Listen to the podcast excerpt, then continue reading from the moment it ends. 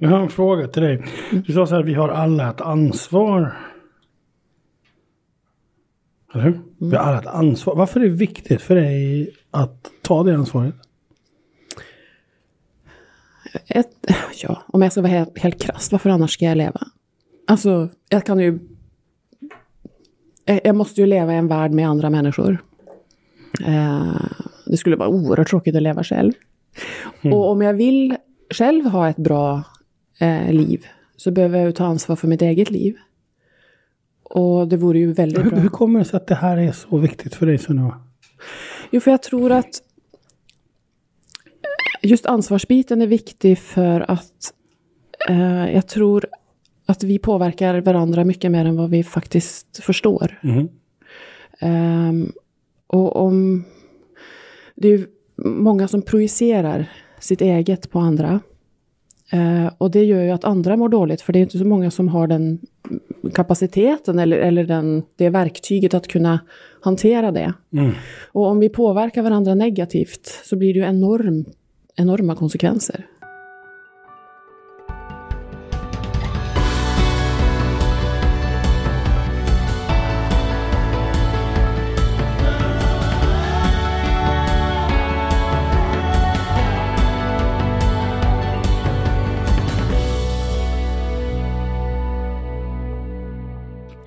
Hej! Eh, Vem nu? Det är en svår fråga. vi börjar med en svår. Ja, en tjej som har mycket energi. En tjej som har mycket energi. Men du, eh, eh, förutom det då? Ja. Nej men jag, ehm, det, jag tycker den är intressant, för jag kan tänka på den frågan varje dag. Mm. Vem är jag? Mm. Och jag tror att det förändras nästan varje dag. Också vem jag är, beroende på vem jag träffar, vad jag gör, vad jag lär mig, vad jag hör. Men jag tror överlag så är jag nog ganska grundenergisk och har mycket vilja och vill framåt och vill att det ska hända saker och gillar att påverka människor. Ehm, Mm. Positivt då, helst. Ja. Mm. Kort och gott. Kort och norsk också. Norsk. Så slipper man tänka på det, tänker jag varje gång jag kommer till en brytning. Ja. Ja. Mm. Det, det är faktiskt ganska roligt. Jag, jag har ju en brytning eh, som, framförallt mina kurser som jag håller i utbildningen, när jag, eller när jag träffar en publik, så ser jag hur nästan alltid någon så här börjar liksom lyssna lite mer och tyckte sig höra, det, det var något. ja. Eh, Vad är det? Ja, de, ja, precis. Vad är det där? Och då ska de inte placera det. Och det är ganska roligt. Ja. Ehm, Men då Men- vet man också att de har fokus på något annat. ja, ja. Och, det, och då tänker man så här, men, nej, men du måste ju lyssna på det jag har att säga. Ja, ja, precis. Om inte, om inte annat så har man dem så att nu lyssnar de verkligen. Ja, kanske Även, man ska även om tänka tankarna är så. någon annannanstans, då kan man prata till det undermedvetna. Men i alla fall, ja. och, så här kommer den här podden att vara, Ja. anar jag. Ehm, Utspårande. ja, gärna. Ehm, ehm, och, och den här dialekten som kommer ibland är ju då värmländska. Ja, Vilket- vart i Värmland? Ja men exakt, då kommer det, Ja. jag har ingen aning för jag har aldrig varit, aldrig bott i Värmland överhuvudtaget. Jag har ingen som helst koppling till Värmland. Spännande. Ja, ja, det enda är att jag gick en utbildning för massa år sedan, en utbildarutbildning med en lärare som kommer från Karlstad. Eh, så att ibland så var jag i Karlstad och det är det enda jag kan referera till. Att ibland så plötsligt så, så dyker det upp någon, någon form av Karlstadmål. Framförallt när jag står på scen alltså. Men de, äh, eh, gillade du honom? Den läraren? Ja, det är klart jag gjorde. Ja, men då kanske Ja. du snappade upp grejer. Ja, men jag gillar många människor. Och jag, jag, sen finns det en annan förklaring. Att jag, bodde, jag bodde i Latinamerika, de 13 till 16 år gammal. Och, och då pratade jag bara spanska, så jag tappade min liksom, koppling till moderspråket, modersmålet. Och då, då finns det någon, jag har läst någon teori någonstans om att, om att då, då, då får man lättare att anamma andra dialekter. Så, det har ju också Som att göra med sinne. Ja. Ja. Värmländska är ju väldigt fint. Eller det är ju väldigt... ja, det beror på vem då. Ja, men man tycker ju om människor som har den dialekten. De känns ju varma, roliga, lite avslappnade. Kan man säga det? Avslappnande. Avslappnande. Nande, Avslappnade. Avslappna. Mm. Jag vet inte. Norsk, norska tycker jag är gulligt. Ja, det är sött. Ja, gulligt och sött. Så var i Norge? Mm. Oslo. Mm. Oslo, Oslo där. Hur, hur hamnade du här? Kärleken. Ja. Ja, men nu har jag en annan kärlek. Väldigt länge också, får jag säga då, om man lyssnar på det här. men jag bodde i Schweiz i många år och där träffade jag en svensk kille. Och Vad gjorde du i Schweiz? pluggade. Pluggade? Mm. Spänn, ja, eller åkte mest skidor och pluggade. eh, Liksom, pluggade. Men det gick bra ändå. Skidorna eller plugget? Ja, pl- eh, bo- plugget gick också bra. Ja, vad, jag fråga, vad du pluggade i? Jag pluggade hotell, Hotell, i ty- tyska delen av Schweiz. Väldigt, var fyra, fem år. Fantastiska år. Mm. Väl, jag gick, bodde en, på en, vad man skulle kunna kalla en kostskola. Där man blir eh, uppradade varje morgon och inspicerad. Ehm, om skorna var putsade, skjortan var struken. Och annars blev man uppskickad på rummet så man fick göra allt igen. Väldigt strängt, väldigt lärorikt. ehm, väldigt roligt. Varför var känslan av att en kille som heter Marcus också var där? Marcus Majewski. Eller hur? Ja, han har också, men inte samma skola. Men vi har ju jobbat tillsammans i hotellbranschen länge. Ja, jag, plötsligt ringde din klocka där. Ja, Just det, så var det ja. Det började vi prata om när vi pratades sist. just det. Så var det. Just det. Marcus. Marcus är härlig. Ja, han är riktigt härlig. Han, han ska komma hit, tycker vi. Ska, ja, det är bra. Det tycker vi, Det hur? tycker jag också. Ja. Mm. Marcus, välkommen. Mm. Eh, vi, vi, vi, vi, har ju en gemensam vän som sa att ni bör träffas. Och så träffades vi på ett, en, en väldigt intensiv morgonfrukost. Mm. Alltså det, var, det var den snabbaste en och en halv timmen tror jag. Eh, det är märkligt att tid kan gå fort beroende på vilka man träffar. Ibland så går tid väldigt långsamt. Med vissa människor, ibland så går det fort. Eh, Och så insåg i alla fall jag att vi, du ska komma till podden. Liksom. För du sa nämligen att du, du hade en, det var en sak du skulle vilja, du, du sa att du skulle vilja göra mer. Kommer du ihåg det? Mm. Vad var det? Jag, jag sa ju att jag skulle vilja göra en föreläsning. Mm. Men det är ju inte det jag vill. Jag vill ju nå människor ännu mer. Mm. Och nå dem i form av att eh, hjälpa till med att få insikter. Mm. Hjälpa till att förstå sig själv. Och, och, och syftet med det är ju att få tillgång till sin potential. Mm. Va- Varför är det här viktigt för dig? Jag, jag tror, ja, det är en bra fråga. Eh, det, jag kunde ju fullständigt skita i det egentligen, om man tänker efter. Eh, men jag känner ju att när jag når människor och, och lyckas liksom fånga dem i något, jag kan nästan se på människor att åh, där kom det en insikt till. Liksom en förståelse till. Så, så mår ju jag bra. Det är, väl ett, eh, det är väl en orsak till varför jag gör det. Men en annan orsak är ju också att jag eh, tror att vi jag tror att vi har ett ansvar, var och en av oss, att bidra så gott vi bara kan. Mm. Eh, det är ingen som kommer att kunna rädda världen ensam. Eh, men alla kan göra lite. Och om vi lär känna oss själva bättre så kommer vi också kunna styra vårt eget beteende bättre. Och när vi styr vårt eget beteende kan vi också välja att styra det åt ett håll som gör att människor runt omkring mig mår bra. Mm. Och om jag väljer att inte göra det så är jag ju medveten om det och behöver ta ansvar för det. Mm. En av mig inte medveten. Ja, för att inte vara medveten är den sämsta ursäkten man har egentligen i världen. Eh, och det är många som använder sig av att vara medvetet omedvetet också. För att slippa ta ansvar. Just det. Men om man inte vet att man inte vet så vet man ju inte att man inte vet. Nej, men man kanske vet men döljer det. Mm. och använda det som en ursäkt. Och det, jag säger inte, jag, jag tror att det är väldigt mänskligt för att många saker som vi gör och som vi, när vi beter oss illa så gör vi det utifrån en rädsla oftast. Rädsla för att man inte vill se sig själv till exempel. Eller en rädsla för att jag orkar inte. Hur ska jag mäkta med? Om jag vet om det här, hur ska jag veta vad jag ska göra åt det? Det finns mycket sånt tror jag. Men den enda vägen är ju igenom tänker jag. Och om jag kan liksom sträcka ut handen till någon, oavsett vem det är, kungen eller någon på gatan eller någon medarbetare, eller, och, och kan väcka någon insikt eller hjälpa till med det, Mm. så tror jag att jag gör nytta. Och när jag har en känsla av att göra nytta så känner jag ju också att jag mår bra själv. Mm. Jag har en fråga till dig. Du sa så här, vi har alla ett ansvar. Eller hur? Vi har alla ett ansvar. Varför är det viktigt för dig att ta det ansvaret? Ett, ja, om jag ska vara helt, helt krass, varför annars ska jag leva? Alltså, jag kan ju... Jag jag måste ju leva i en värld med andra människor. Eh, det skulle vara oerhört tråkigt att leva själv.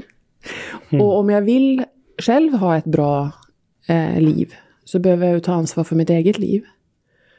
Och det vore ju väldigt Hur, bra. hur kommer det sig att det här är så viktigt för dig Sunniva? Jo, för jag tror att just ansvarsbiten är viktig för att eh, jag tror att vi påverkar varandra mycket mer än vad vi faktiskt förstår. Mm. Ehm, och om... Det är ju många som projicerar sitt eget på andra. Eh, och det gör ju att andra mår dåligt, för det är inte så många som har den kapaciteten eller, eller den, det verktyget att kunna hantera det. Mm. Och om vi påverkar varandra negativt så blir det ju enorm, enorma konsekvenser. Mm. Det ser vi ju idag. Eh, m- men i och med att vi kan påverka varandra negativt så kan vi också påverka varandra positivt. Och det ligger ju ett ansvar i det, att jag som individ med dem jag träffar gör det jag kan för att andra ska få må bra. För att de ringarna på vattnet blir ju enorma. Och skulle liksom jag påverka en person som påverkar tio personer positivt? Eh, så här, jag nå sin potential. Ehm, eh, få, få, liksom, få den här insikten, att kontakt med sig själv, kunna liksom inte projicera. eh, vi har ett ansvar att bidra. Ser du? Och, och, och så hade du ett magiskt resonemang om det. Men jag är fortfarande nyfiken som det var, Så varför är det viktigt för dig just dig att ta det här ansvaret? Varför är det så viktigt för dig? Ja, det är en bra fråga. Ehm, jag tänker att jag kan inte kräva någonting av andra. Jag kan ju inte genuint vilja nå en annan person och ge den insikter och försöka hjälpa till utan att jag själv också gör det. För mig är det viktigt att det är sant det jag gör. Eh, Eller att det kommer från en plats som är god. Och nu gäller jag inte att använda ord som god och bra och bättre, men en, en, en plats som är um, äkt, alltså genuin.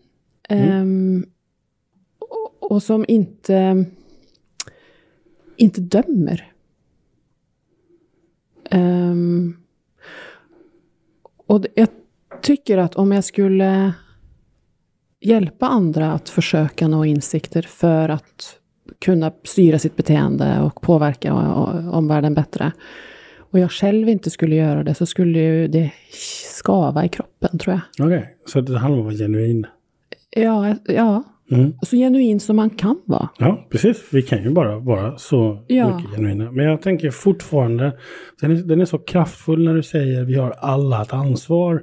Varför är det här så viktigt för dig med ansvaret? Mm. Var kommer den ifrån? Men jag, jag ser ju att skulle var och en ta det ansvaret som de klarar att ta, för det, alla klarar inte att ta samma typ av ansvar, men skulle alla klara att ta det ansvaret de klarar att ta, då tror jag att världen skulle vara annorlunda. Jag är helt säker på det. Men varför är det viktigt för dig? För det skulle vara mycket roligare att leva i den världen. Ja, visst. Och då är det bara helt logiskt. Men av någon anledning är det här viktigt. Just för mig. För dig. Just för dig. Så då måste jag gräva djupt. Jag menar det. Ja. Ja. Nej men alltså, om jag tänker på just ansvar så kan jag ju, jag kan ju gå till mina värderingar. Mm. Ehm, mod är ju viktigt. Det, och det handlar ju väldigt mycket om ansvar. Eh, det är okej att vara rädd. Men det är inte okej att vara feg. Mm. Eh, så man kan ju göra saker även om man är rädd. Om det är rätt. Annars är man ju inte modig. Annars är man ju inte modig. Nej, för det måste ju rädsla till för att vara modig. Ja. Ja. Mm. Och så behöver man inte hoppa bungee jump och halvdö, liksom. det är inte det jag menar. Men stå upp för sig själv, stå upp för andra om man klarar det. Alltså, hur kommer det sig att det här är så viktigt för dig? Sunniva? Det börjar ju någonstans. Det börjar någonstans. Ehm, jag vet. Jag, jag har tagit ansvar sedan jag var väldigt liten. Jag har varit väldigt mycket själv. Det kan, det kan bero på det. Mm. Och att jag har övat mycket på att ta ansvar. Ehm,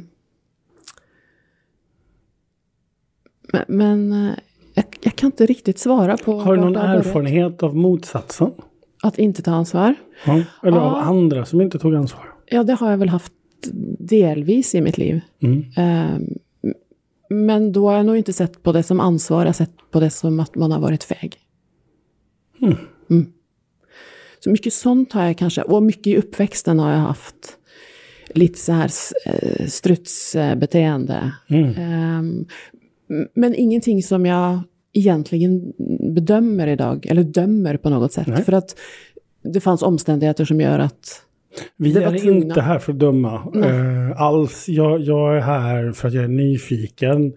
Och, och jag, jag älskar att inspirera andra. Att också våga kika lite på var kommer min kraft ifrån. Mm. Eh, och, och jag tänker, är jag uppväxt i ett liv med feghet runt omkring mig och det sen växer till en kraft och en drivkraft att skapa ansvar, ta ansvar. I love it. ja, så är det fantastiskt. Ja. Så, så, så, Ja. så jag är inte ute efter liksom någon, någon svartmålning alls, utan snarare en, en, en nyfikenhet. Var kommer det ifrån liksom? För Ja. det är så starkt. Vi har ett ansvar. Jag tänker om man, om, man, om man kikar sig runt omkring hur världen ser ut så tycker jag att det är en bristvara på precis det du sa. Ja, det är ju det. Och det. Men jag, tror också att, och det är kulturbetingat också, eh, väldigt mycket. Jag tänker, ehm, Sverige är ju ett land där man har blivit omhändertagen från myndigheter på ett annat sätt. Och det skapar ju också en kultur som gör att man kanske bara glider med. Ehm, jag, jag tänker mycket på att när, när vi, den här känslan av att du lever, den får du när du utvecklas. Eller när du gör någonting som du är rädd för eller som du gör det när du går ut över din bekvämlighetszon. Då känner man, det som barn gör. Alltså om, om barn hade, skulle vilja vara i sin bekvämlighetszon så skulle de inte ens lära sig gå. Så att, och det är det här vi tappar lite som vuxna, att vi hamnar in i bekvämlighetsgrejer och, och, och lever så här halvdöda. Mm. Och, och nu menar jag inte att det, nu drar jag en, alltså då säger jag att det är generellt. Så är det ju inte, det är ju många som lever där ute och säkert mår jättebra. Men jag tror vi skulle få mer glädje och inspiration och, och om vi Jag, liksom jag, vågade... tän- jag tänker, du behöver inte vara försiktig med den. Jag, jag tänker nog hålla med om den. Eh, innan covid tittar man på omfattningen stress eh, bland ledare i, omkring Sverige. Skenande. Tittar man på hur vi mår, statistisk psykisk ohälsa, så rasar den också. Och jag, eh, jag tycker absolut att man kan säga att jag tror att väldigt många människor lever halvdöda. Det vill säga skulle kunna leva så otroligt mycket mer i sin potential än vad de gör. Så. Ta eh, fram det bara. Ja. Allt, för man tror att, och det är också någonting som jag mässar om, man tror att man ska hämta någonting utifrån. Men allt finns ju här inne. All glädje, all skratt, all omtanke, all värme, allt i olika mängder hos alla. Mm. Men det finns ju där inne, så ta bara fram det. Kreativitet finns ju i alla människor till exempel. Leka finns hos alla. Sen så kan man ju ha varit utsatt för massa saker under uppväxt och sånt som gör att, att det läggs lock på. Men det går ju att lyfta på locket. Om man vill lite grann bara. och då tror jag att man skulle liksom... Och det är kanske där ansvaret ligger väldigt mycket. Ta ansvar för att ha ett gott liv.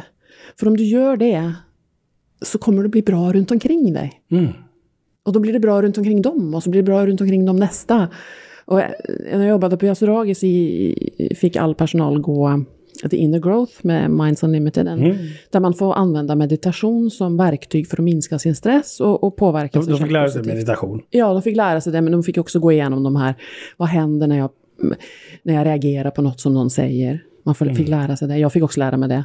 Eh, och vad händer när jag kan styra det, till exempel. Och, och, och den bilden av att om jag, om jag som chef är en bra chef, som ser till att människor känner att de gör ett bra jobb, och att även om de är trötta när de går ut genom dörren, så är de glada och nöjda. Man kan- För man kan vara jättetrött i kroppen av att jobba, men man kan vara nöjd. Och om jag då kliver på bussen och så ler jag till busschauffören och tackar för att han tar min biljett eller vad han nu gör, så kanske han ler när han kommer hem till sin fru. Och så blir hon glad. Och så blir barnen glada. Och så, och så bara rullar det på. Istället för att jag är en chef som ser till att alla bara sliter och mår dåligt när de går hem. Och alla de människorna de påverkar i sin tur kommer hem till barnen och orkar knappt säga hej. Alltså, om man tittar på bilder och scenarier och vilken otroligt stor betydelse var och en av oss har. Alltså, Vet, du, vet du hur många människor i rad man påverkar med ett negativt tillstånd? nej, många. Sex personer Sex, har man ja. mätt. Ja. Man gjorde en undersökning när man tittade på människor som fick ett ansöka om ett jobb. Eh, och så fick de ett nej.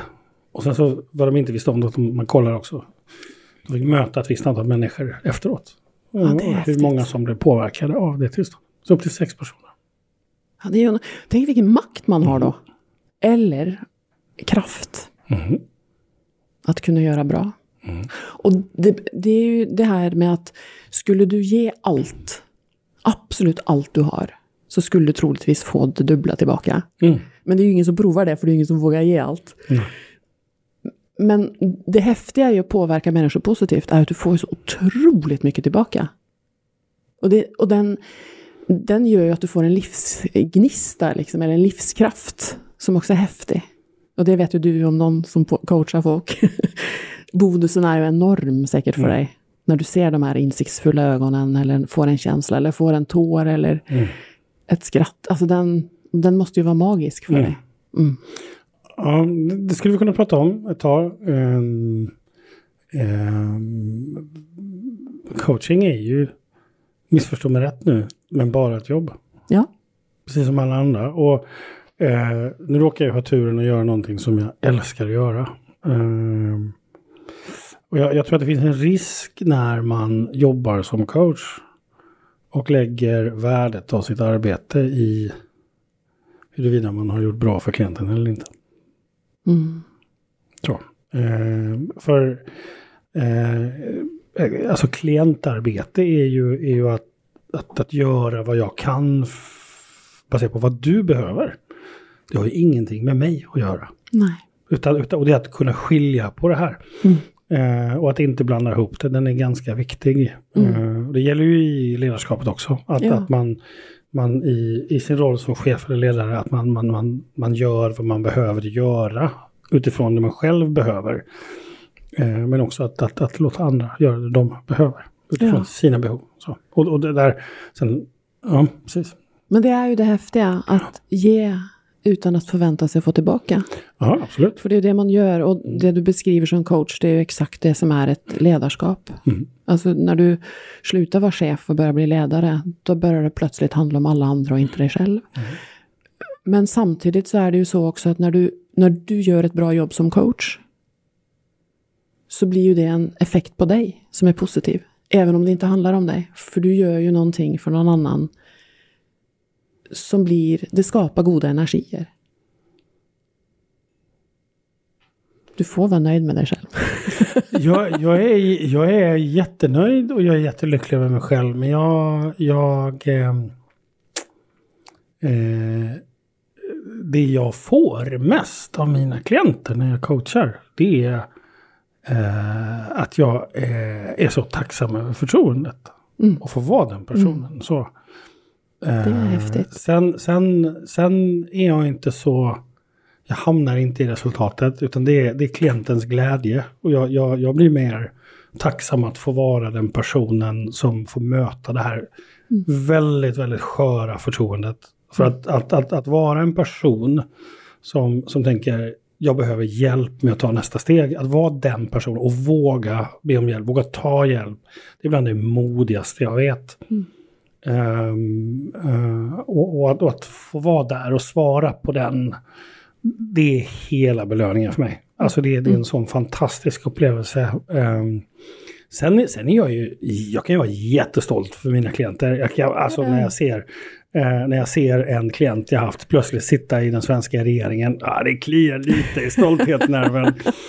Eh, Med all rätt. Med all rätt, absolut. Ja. Eh, Men en god stolthet, en stolthet behöver inte vara dryg. Stolthet har lite oförtjänt Ja, ja, dåligt nej, nej, rykte. nej. Jag är jättestolt. Jag är Ja, jättedryg stolt. Jag är, jag är, som, en, jag är som en påfågel eh, och sådär. Men jag slår mig inte för bröstet för jag, jag blandar inte ihop det. Det är inte jag som har gjort det.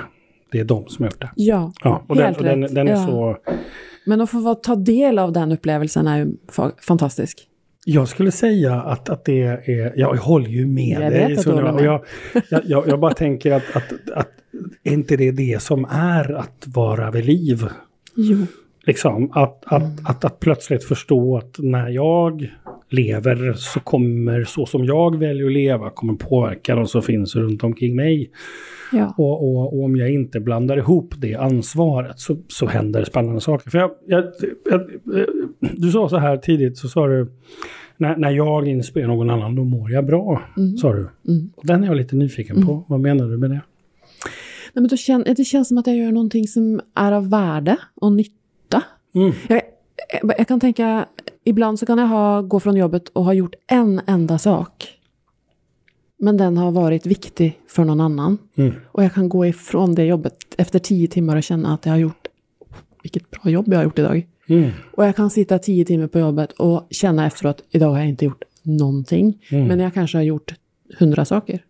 För de har inte haft något värde. Mm. Så jag tänker att jag mår ju bra för jag känner att det jag gör är n- nyttofylld. Mm.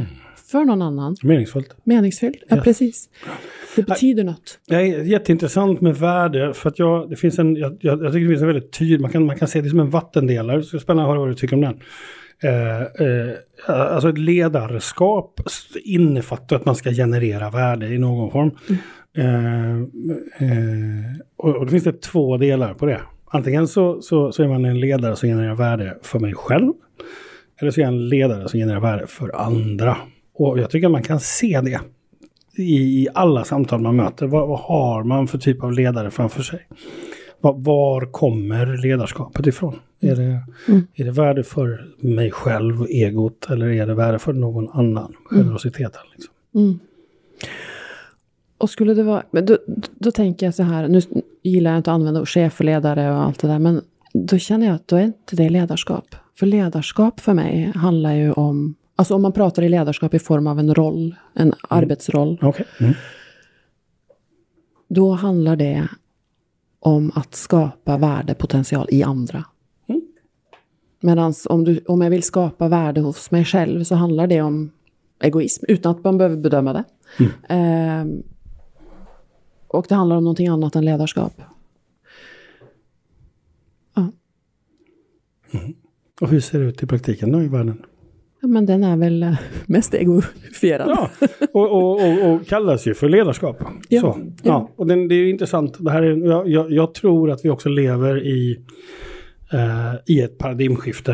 Eh, där, där, där det vi är med om just nu eh, så håller det på att ske en förflyttning.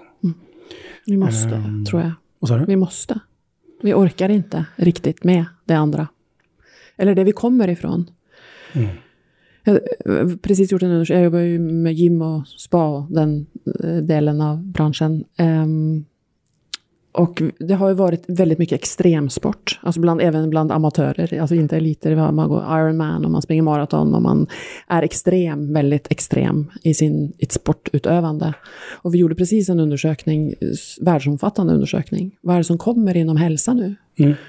Och ett ord som kommer, och det är så häftigt, det är snällhet och tillåtande. Och det är så coolt, för vi, vi, vi orkar inte riktigt pressa hela tiden. Och vi har gjort det så länge, att vi känner att, och jag tror corona var ju fantastiskt för det, Mm. att vi känner att, nej men vad håller vi på med? Mm. Kan jag inte få må bra och liksom ha lite kul och vakna på morgonen och bara hmm, kanske ska gå en promenad istället för att springa en mil på fyra minuter eh, kilometern liksom. Alltså kan jag inte få lov att bara njuta lite av min träning? Mm. Sen behöver du inte försämra hälsan på något sätt. Men man kanske blir snällare mot sig själv. Man kanske inte är så asketisk när det kommer till mat. Eller man liksom, man är mer tillåtande. Mm. Utan att påverka världen sämre. Snarare mer positivt. Mm. Och jag har, har suttit i så många diskussioner om ordet snällhet. Eh, det kom ju en undersökning eh, för inte så länge sedan om att det snälla ledarskapet är på G. Och, eh, och man ska ju inte blanda ihop snällhet med mjukhet. Man ska inte blanda ihop snällhet med med ehm, Mässighet. Exakt. Eh, snällhet är ju också att klara av att vara knivskarp och säga nej. Ja, Nu räcker det. ja. Eh, så. Eh, Att, att tillåta sig att vara snäll och också tillåta sig själv att ha tydliga gränssättningar, exempelvis vad som är okej okay och vad som inte är okej. Okay. Så att den är... Precis, den är mm. viktig, men det är viktigt att ta över ordet snällhet. Exakt. Alltså äga det och mm. vad det är. För det har ju sett som någonting väldigt feminint. Mm. Jag, jag, brukar säga att jag, vill gärna att ni ska må bra. Mm. mina medarbetare. Jag vill gärna att ni ska må bra på jobbet. Men det handlar inte om att jag vill att ni ska sitta ner och fika. Jag vill att ni ska må bra genom att ni känner att ni gör ett bra jobb. Jag vill att ni ska må bra för att ni känner att ni får den coachningen och det stödet ni behöver. Och att ni trivs här, att ni känner er trygga. Men jag är ju ingen, jag är själv ingen fikaperson, jag är ingen eh, korridorssnackare. Jag gillar inte att fira. Så att jag har liksom ingen av de här... Som du lever man, inte upp till det där. Jag lever inte upp till det där. Men det är inte det det handlar om. Snällheten och godheten eller det hållbara ledarskapet, det handlar inte om det. Mm. Det handlar om att inte ha ont i magen när du går till jobbet för att du inte vet vilket humör din chef är på. Mm. Att du har en psykopat som står och skriker på dig för mm. att han själv mår dåligt. Mm. Det är inte sådana arbetsplatser vi vill ha. Vi vill ha arbetsplatser där du kan känna att jag kan prova det här även om jag aldrig gjort det förut. Och gör jag fel så är det ingen som står och skriker. Det är någon mm. som står och säger om du gör så här, prova det. Mm. Så kanske jag vågar lite mer. Mm. Det är häftigt. Och det är det som jag menar också är som, det är ju därför jag säkert har sådana jobb som jag har, genom att jag tar så mycket ansvar. Det är ju mitt ansvar. Mm. Att som chef, okej, okay, vad händer i mig nu? Varför blir jag så irriterad nu när han mm. står här inne och snackar med mig? Vad är det som händer? Mm. Och hur ska jag inte låta det gå ut över honom, oavsett vad han står och pratar om? Mm. Vad ska jag nu i det här läget göra för att han ska få en insikt om vad som är bra att göra just nu? Oavsett vad han eller hon har gjort som står där och gnäller. Hur, hur gör du? Nej, men jag, det är inte alltid jag gör rätt.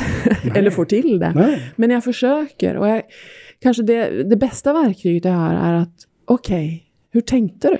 Mm. Vad hände? Vad vill du? Var, varför står du på mitt kontor och gnäller? Vad är det som gör att du står här? Mm. Och vad ska du göra åt det? Mm. Så, att, så att vi kan, och jag kan till och med säga så här, jag känner mig irriterad. Jag vet inte vilka knappar du trycker på just nu, men jag känner mig irriterad. Och det är mm. mitt ansvar. Det ska jag inte låta gå ut över dig. Men säg till om jag gör det. Mm. För då håller man det till sakfrågan hela tiden. Mm. För jag tror att de flesta människor är ju medvetna och omedvetna och märker av humörskiftningar i andra människor ganska snabbt. Och nu händer det något. Även om man inte tänker tanken så märker man det. Mm. Så om jag som chef är sur, då ska jag lova dig att tio minuter senare så har jag fem avdelningsledare som är jättesura på sin mm. personal. Så vill jag inte ha det. Vad du beskriver är ju en, en mognadsfråga, tänker jag, som ledare. Eh, jag, eh, om jag inte missminner mig rätt så tror man kan prata om, om man kan benämna som psykologisk mognad.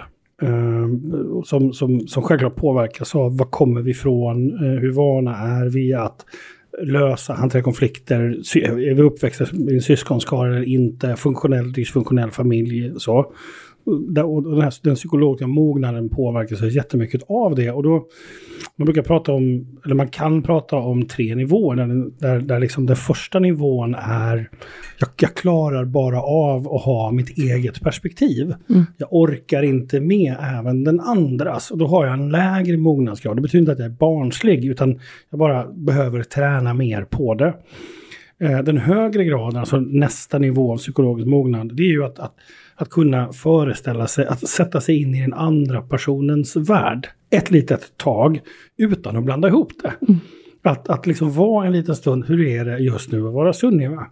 Eh, och jag tänker det, eh, om man pratar om coachande chefer till exempel, så det här är ju den förmågan som svenska chefer och ledare behöver bli bättre på. Att, att, att liksom inte bara se saker och ting från sitt eget perspektiv, utan även det andra. Mm. Den, den, högre graden av mognad, som är, låt oss kalla det för perspektiv 3, det är ju att, att vara nyfiken på, okej, okay, så när du och jag sitter här i rummet, vad är det som pågår just nu? Mm. Vad är det som cirkulerar här? Eh, därför att den här irritationen till exempel, det, det kommer in en medarbetare är irriterad så är det som att det simmar in en fisk i rummet. Liksom. Och man vet inte fan, kom den från mig eller kom den från den andra? Vem började? Ja, precis. Och, och, och, att då börja fiska liksom. Ja, precis. Det blir, det blir inget bra. Nej. Liksom, utan då är det lättare att, att liksom, okej. Okay, mm. Det finns irritation här. Vad gör vi med den? Ja. Så, så, att, så att det inte blir en passiv sak som ligger dolt under vattenytan, utan att okej, hej, du simmar fiskar. Hur ska vi hantera det? Ja, Um, intressant. du Metaperspektivet. bes- ja, ett metaperspektiv. Ja. Ja, Metaperspektiv. meta. Fan, Med fisken, Fiskningen. vad du fick till det. Eh, mm. ja, men det är intressant. förlåt. Ja, det är intressant. Men du, och då tänker jag så här, du, du, du, du är ju, du är ju, hur började det här för dig? Alltså du, du, du Oslo och så Schweiz. Och den här skolan, kaderdisciplin, typ nästan givet. Jag känner igen den. den. Så var det i Bolivia när jag bodde där, gymnasiet. Mycket bra. Gilliga Mycket bra. soldater. Ja, och alltså skolans bästa elev fick hissa flaggan och man fick tre minuter slag i rumpan om man var tre minuter sen. Ja. Ah, jag älskade det där. Ja. För mig var det jättebra. Ehm, eh, ehm, Lite halvrädd hela tiden. nej, nej, jag var, inte, jag var aldrig rädd alltså. Ja, det är bra. Nej, utan, utan jag, det var mer att jag plötsligt förstod att aha, det är så här man gör för att bli bättre. Mm. Okej, så okej, det är det här som gäller. Vad skönt det var. Ja. Mm. Så du är där i Schweiz och så, och så pluggar, pluggar hotell och så åker du skidor. Eh, vad hände sen? Nej, men sen så... ehm, ehm, det hände ju mycket innan Schweiz också, men, eh, som gjorde att jag tog den här vägen. Men ehm, jag flyttade till Sverige och um, halkar in på ett bananskal på gamla Lydmar hotell på Sturegatan och jobbar där i åtta år. Mm. Och, och fick nog uppleva väldigt häftigt ledarskap av ägaren där. Eh, men en otrolig människotro. Alltså en enorm tro på att människor kan göra allt.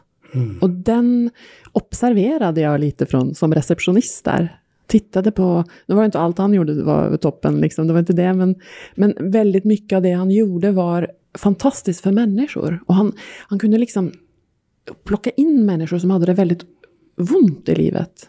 Som hade det Ja, ont. ont, ja, ont liksom. Jag hade haft det besvärligt och mådde dåligt. Mm. Ge dem jobb.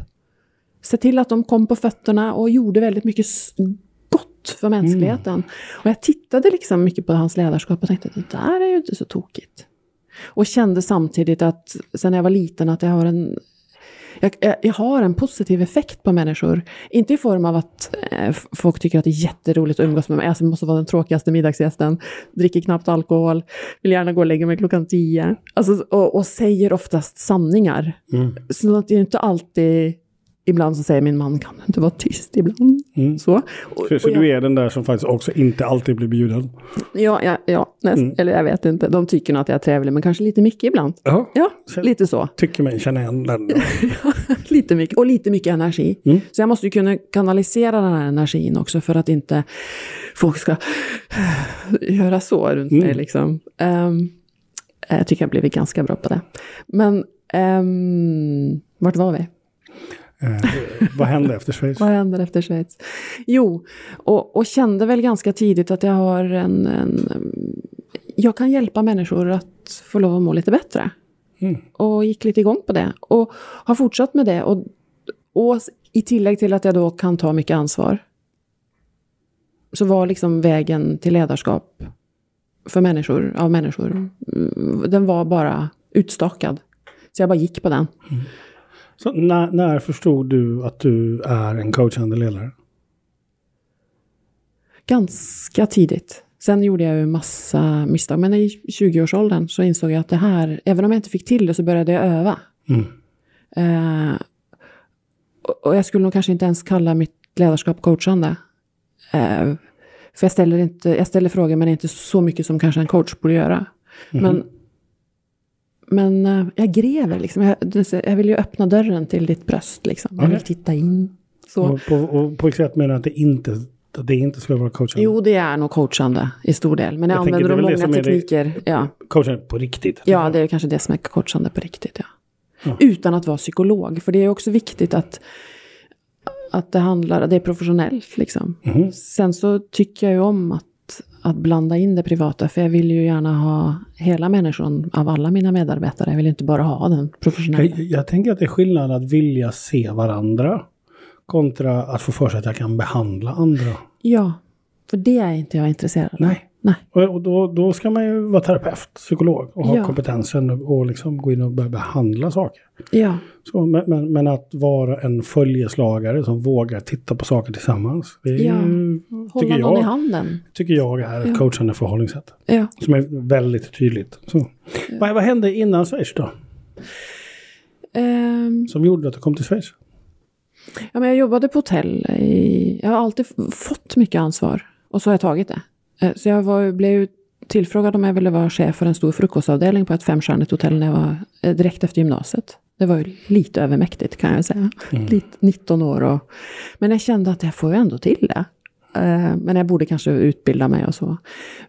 Men har alltid känt att de människorna som jag har haft nära mig har jag kunnat se till att de mår bra så mycket som jag kan. Och det är väl där jag har känt lite att jag kan påverka människor. Och det har jag känt sedan jag var liten. Och jag tror att det är därför jag vill jobba som ledare. Mm. Eh, bland annat.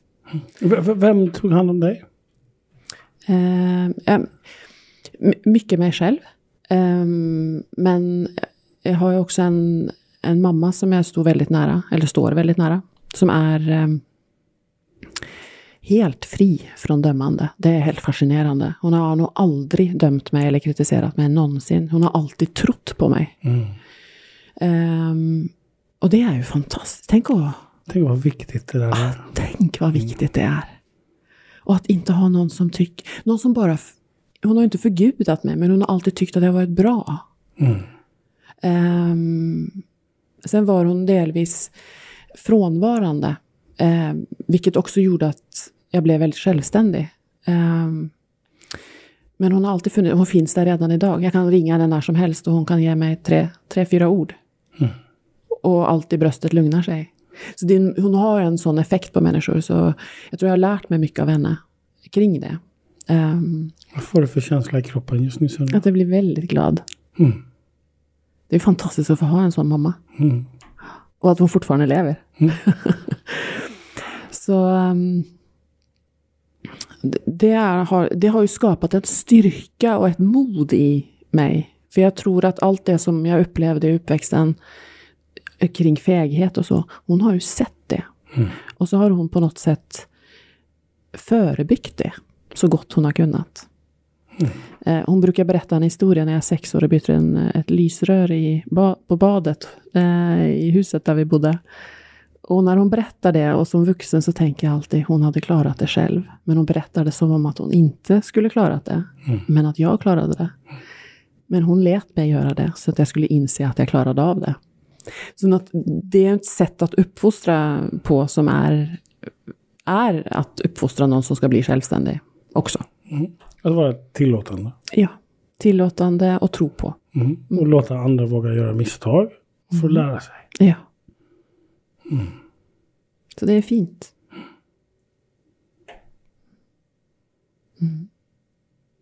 Mm. Eh, och frånvaron, vad var det? Ehm, en, en pappa som jobbade på båt.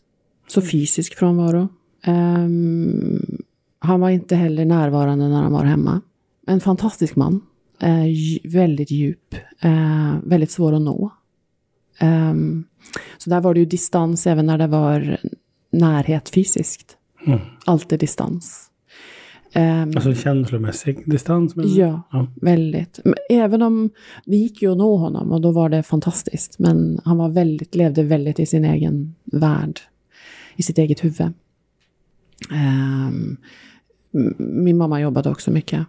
Ehm, och hade mycket runt omkring sig också som gjorde att hon inte alltid mäktade med. Ehm, och så är jag ensambarn. Mm. Så, så det, liksom kombinationen av alla de här eh, gjorde mig nog väldigt snabbt självständig. Eh, eller insåg någonstans att om jag ska klara av det här, då måste jag göra det själv. Mm. Och det är ju... Och Hur gammal är du då? Ungefär, jag är bara nyfiken. Alltså när, när i, i livet är det du förstår den att ska, jag, ska det bli någon förändring då måste jag klara av det själv. Mm. När, när, när förstår du den? Jag tror att jag är runt 5-6. ehm, det, det är ju svårt att, att riktigt komma ihåg. För att man hör saker, man hör historier. Mm. Man tror man kommer ihåg. Man vet inte riktigt vad man har hört, vad som är minnen. Men, men jag har Jag tänker någon, att det inte är det är någon inte skillnad. kanske så farligt. Nej. Jag tänker att det är ingen skillnad. Nej. Om det är, utan det, är, det blir ju det man tycker är sant som blir sant. Ja, Ja. precis. Ungefär 5-6. Ja. Mm. Att, eh, ja, nu kör jag. Jag gör det själv. Så. Mm. Och det, har ju, det är ju en, en otrolig styrka som jag har med mig i livet, men det är också en, en otrolig last. För det gör ju också att det är svårt att komma mig nära. Det är svårt att hjälpa till. Eh, jag kommer ihåg när jag var gravid så sa min man, jag kan ta bär, bärkassorna. Nej. Vet, Det är till och med på den nivån liksom. Eh, och behöver du hjälp? Nej. Det, är alltid, det säger jag i princip innan jag har hört klart frågan. Nej. Och sen så kan jag ju hitta mig själv i det och säga så här, jo, det hade ju varit skönt. Mm. Men jag får liksom, eh, då måste jag tänka mig till det svaret. För den spontana känslan är direkt, nej. Det, jag klarar det. Så, Så, så du behöver också vara tillåtande. ja, väldigt mycket. Och bara sätta mig i soffan och låtas. Har, har du tänkt på det? Att det är snålt att inte ta emot hjälp? Väldigt. Och det är väldigt otacksamt gentemot andra också. Mm. Väldigt. Många vill ju hjälpa till. Ja. Och att inte ta emot hjälp är ju snålt. väldigt. Då, då undrar man ju inte andra att finnas där. Det här kan du inte Så- säga, för så- då bryter du mot allt jag tror på. Eh, och tänker så, här, så, så, så, så, så vem, vem, eh, vem tar hand om dig? Ja, förutom mig själv menar du? Mm. Ehm, jag tror att jag har blivit lite bättre på det. Du får fråga min man. Ehm, men eh, jag, jag, jag tycker att jag låter andra få ta hand om mig bättre nu. Men det kan jag ju säga, det är ju sista par åren. Liksom. Mm. Det är ju inte något nytt att få lov att bli omhändertagen. Men jag, när, jag, när jag säger det så känner jag ju lite rädsla. Mm. Samtidigt. För vad då? Rädsla för att tänk om jag inte klarar mig själv, då kommer jag att gå under. Mm. Det är ju någon eh, ologisk sanning som jag går runt med. Att om alla lämnar mig, då måste jag kunna stå på egna fötter. Så eh, Om alla lämnar mig då måste jag kunna stå på egna fötter. ja. Om vi, kan vi fastna med den lite? ja, Eh, varför sa jag det? Eh, eh, alltså om alla lämnar mig då måste jag kunna stå på fötter.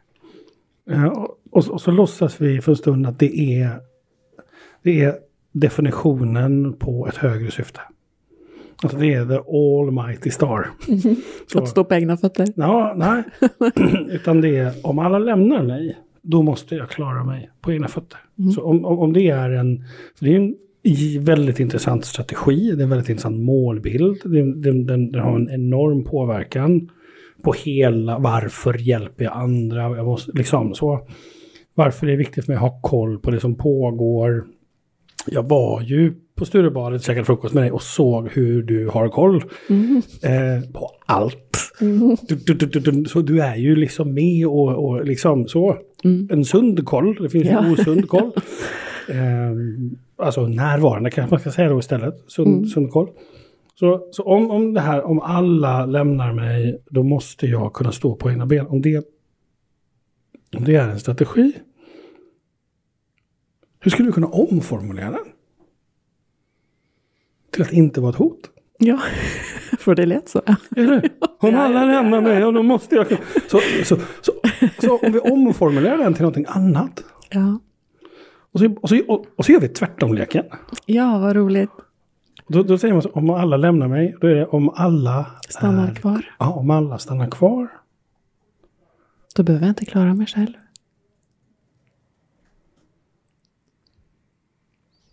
Den är häftig. Jag fick precis ett nytt syfte. Ja, det är häftigt. Jag tror ju inte att alla kommer att lämna mig, så att det är lugnt. Men du sa det. Jag sa det. Och när vi säger något så är det någon som hör.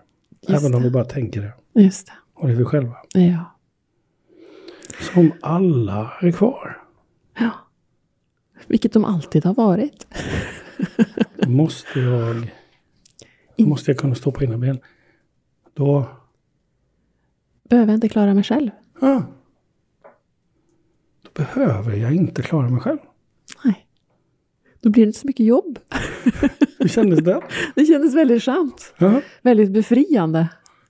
ser Och lite så här, och gud, då kan man ju leva den tiden som man jobbade på att klara sig själv. Så där. Ja, och då blir, man, då blir jag ju också mer inkluderande. För jag tror att många i min närhet upplever att du ser ju mig, men jag ser ju inte hela dig. För jag släpper ju inte helt in. Mm. Nej.